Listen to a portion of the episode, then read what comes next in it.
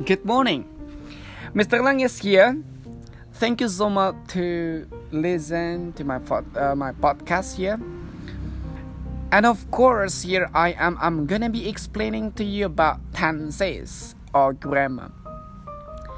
Balik lagi sama Mr. Lang dan kita masih ngebahas tentang tenses. Then finally I know that you have many tenses on your head right now because you have been studying English for about a month or two months, especially discussing about tenses. Jadi buat kamu yang ikut kelas online Tenses Killer kita udah hampir di pertengahan bisa dibilang bahkan pertengahan lebih eh, belajar tentang tenses dan kita udah punya banyak sekali kosakata pengetahuan tentang tenses. And as a common mistake or a common problem when you have many knowledges. You are confused how to practice or how to apply those knowledges or those formulas into a different kind of text or paragraph. Jadi ya biasa banget ya. Kayak gitu pasti selalu bingung ketika udah tahu banyak tenses bingung gimana nih caranya menggunakan bedainnya ke dalam uh, kalimat-kalimat uh, yang berbeda gitu. Oke, okay, kalau kamu mengalami kebingungan semacam itu, mari kita selesaikan. On this podcast, I'm gonna be talking about that common problem. Pertama, kenapa kok bisa begitu? Kebingungan itu terjadi that confusing section or that confusing problem happens because you don't really understand about the function each tense. Pertama, kesalahan itu terjadi karena kamu tidak memahami secara penuh setiap tense yang udah kamu pelajari. Sehingga kayak kamu tuh cuman menghafal rumusnya tapi tidak menghafal kegunaannya. Itu kesalahan banget sih menurut aku karena rumus itu tidak akan pernah berubah dalam tenses gitu-gitu aja. Tapi kalau memahami fungsinya, time signalnya itu adalah sebuah yang really important, necessary gitu banget pokoknya. Jadi pertama ya, kamu hafalin juga tentang fungsi-fungsinya. Terus kemudian uh, the second. Itu pertama tadi saranku adalah please brush up atau brush up the function each tense. Jadi fungsi dari setiap tensesnya itu diingat lagi, dihafal lagi, dibuka lagi. Terus kemudian yang kedua adalah please be sensitive on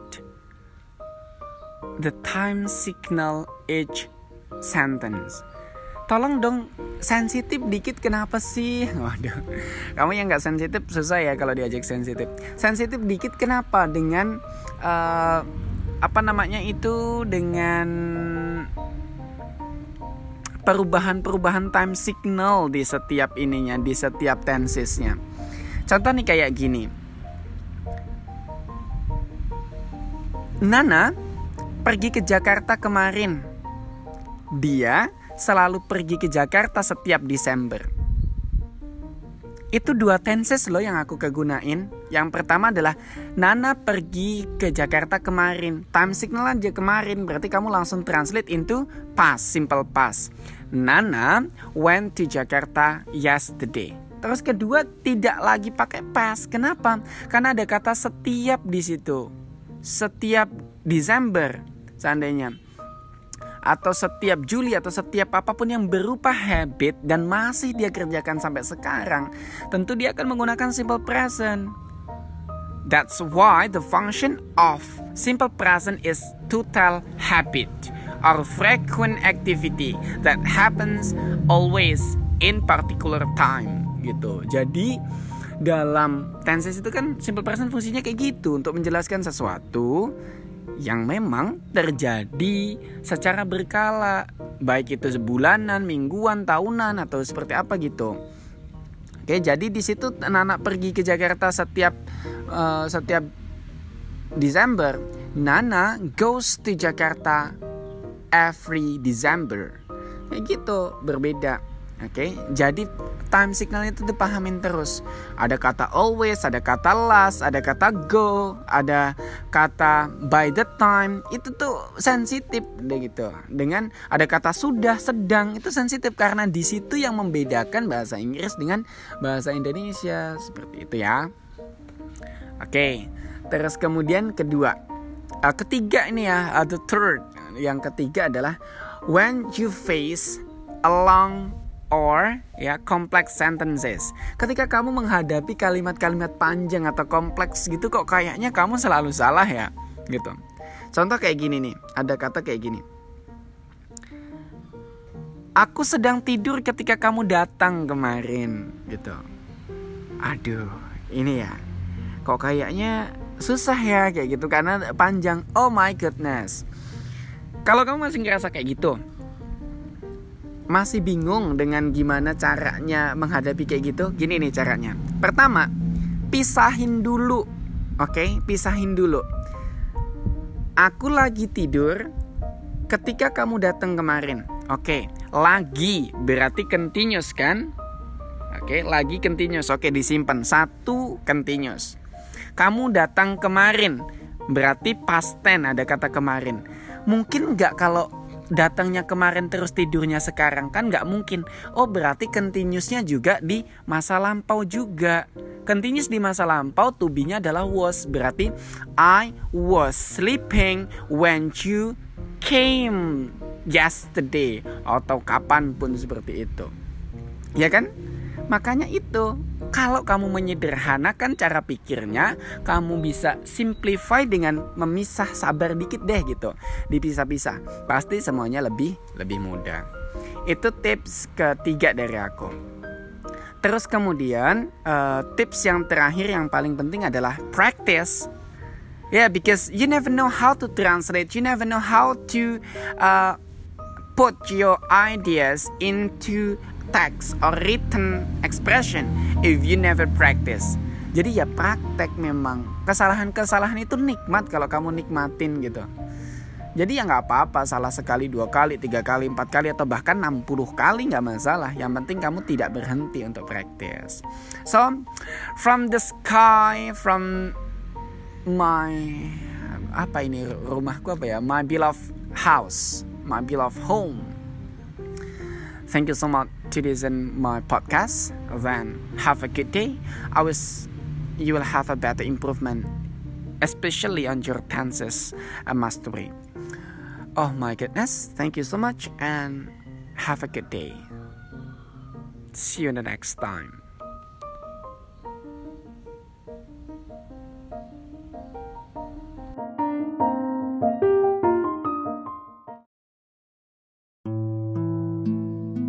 Hello English learners. Hello everyone. How are you doing? Apa kabar semua? My name is Risa, namaku Risa, and I have been learning English for so many years. I am an English teacher, but now you can think of me as your English learning partner because I want to help you improve your English. Aku ingin bantu kalian untuk mengembangkan bahasa Inggris kalian, meningkatkan kemampuan bahasa Inggris kalian ya. But now, sekarang I have a question for you. Do you think English is difficult? Apa menurut kamu bahasa Inggris itu susah? If you answer yes to the question, kalau jawaban kamu iya, oke, okay, mungkin kamu benar ya, maybe you are right. Tapi bahasa Inggris itu nggak susah karena kamu pikir itu susah. It's not difficult because you think it's difficult. Bahasa Inggris itu susah karena kamu nggak biasa because you are not used to it. Karena bisa karena biasa kan? Oke, okay, so English itu harus jadi habit supaya kamu biasa. And then, uh, tanya lagi ya. I have another question for you. Why do you learn English? Kenapa sih kamu belajar bahasa Inggris ya? Mungkin jawabannya macam-macam. You may have different answers, but my answer is jawabanku adalah to be able to communicate with English speakers from around the world, right? I want people from around the world, for example, America, Europe, Asia, Australia, Africa, to understand me. And I want to understand them. Jadi biar bisa saling mengerti kalau ngobrol sama orang dari seluruh dunia. English is a communication tool. It can help you deliver your idea to the world. Isn't that amazing? Keren kan ya? So, I can help you make it happen. Aku bisa bantu kamu kok mewujudkan itu semua ya. So, I will give you some tips to become fluent in English and speak it naturally and almost effortless. Many people start learning English by reading or learning grammar. But I say don't do that, okay? Jangan belajar bahasa Inggris dari baca atau belajar grammar dulu. Why? Because English is not a phonetic language bahasa Inggris bukan bahasa fonetik. Karena words in English are not pronounced the way they are written. Bahasa Inggris itu kata-katanya nggak dibaca seperti ditulis seperti apa yang tertuliskan. So, how is the best way to learn English and be fluent in English? Okay, number one, nomor satu, you need to learn like a baby. Kamu harus belajar bahasa Inggris seperti bayi. Okay, think of this.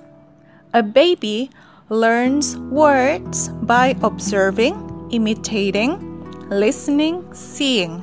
And that's what you have to do. Okay, you can watch English movies, listen to podcasts, radio, TV, etc. Get familiar with English words, sentences, expressions. You have to let yourself absorb those new things, okay? Jadi dengerin aja dulu, banyak-banyak denger, banyak observasi, banyak mengamati. Itu aja dulu yang pertama. And then number two, tip number two is think in English. Oke, okay? berpikir dalam bahasa Inggris. Stop terjemahin dari bahasa Indonesia ke bahasa Inggris. Try to stop translating Indonesian into English. If you want to think in English, you need to make English a part of your daily life. Kamu harus membuat bahasa Inggris itu bagian dari keseharian kamu. Okay, that's all you need to do. If you use English a lot every single day, you will automatically think in English. It will happen naturally and then.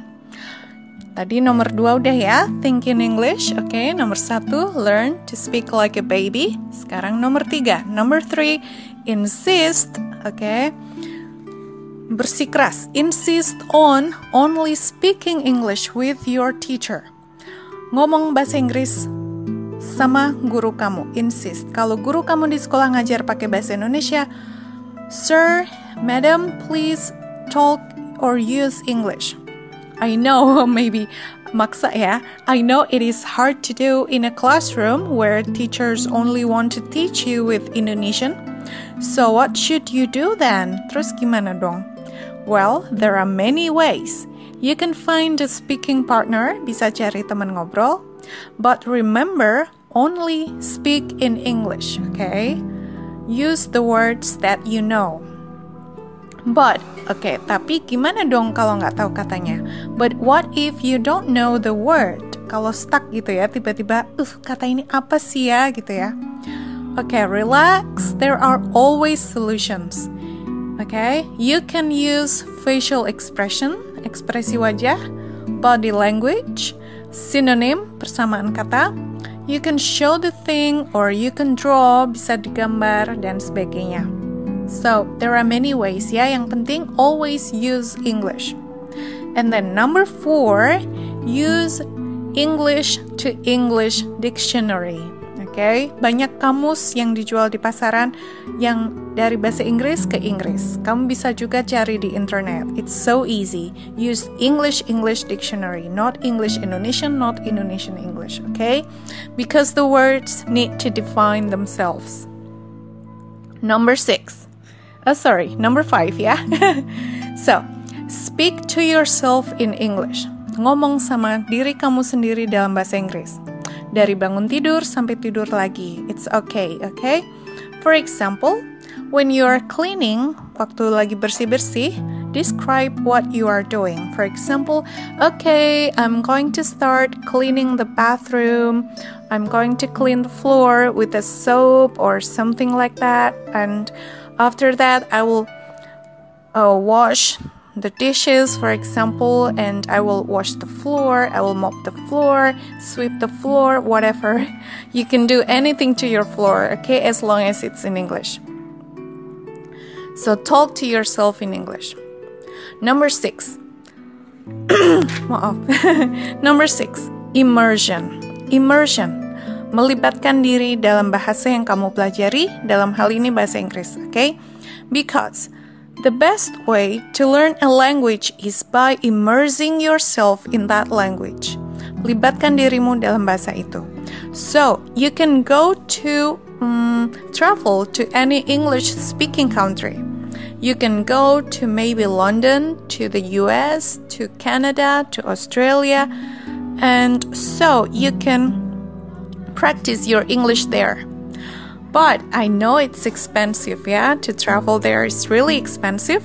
But if that's not possible, you can still get immersed anywhere, okay, anytime. For example, listen to some podcasts, listen to some TV shows in English while driving, while cooking, while cleaning, while um, reading, okay, while playing with your mobile phone, you can always hear English. Put English sound as your background sound, okay, all the time. Selalu dengerin bahasa Inggris di mana pun, kapan pun. Okay, so those are six tips. Itu adalah enam tips dari saya. And to make it complete, untuk membuatnya lebih lengkap, I have the seventh tip for you. Tips number seven do number one to number six daily. Lakukan tip nomor satu dan nomor enam eh, sampai nomor enam sehari-hari daily. Because karena 10 minutes a day to learn English is much better than 70 minutes learning English once a week.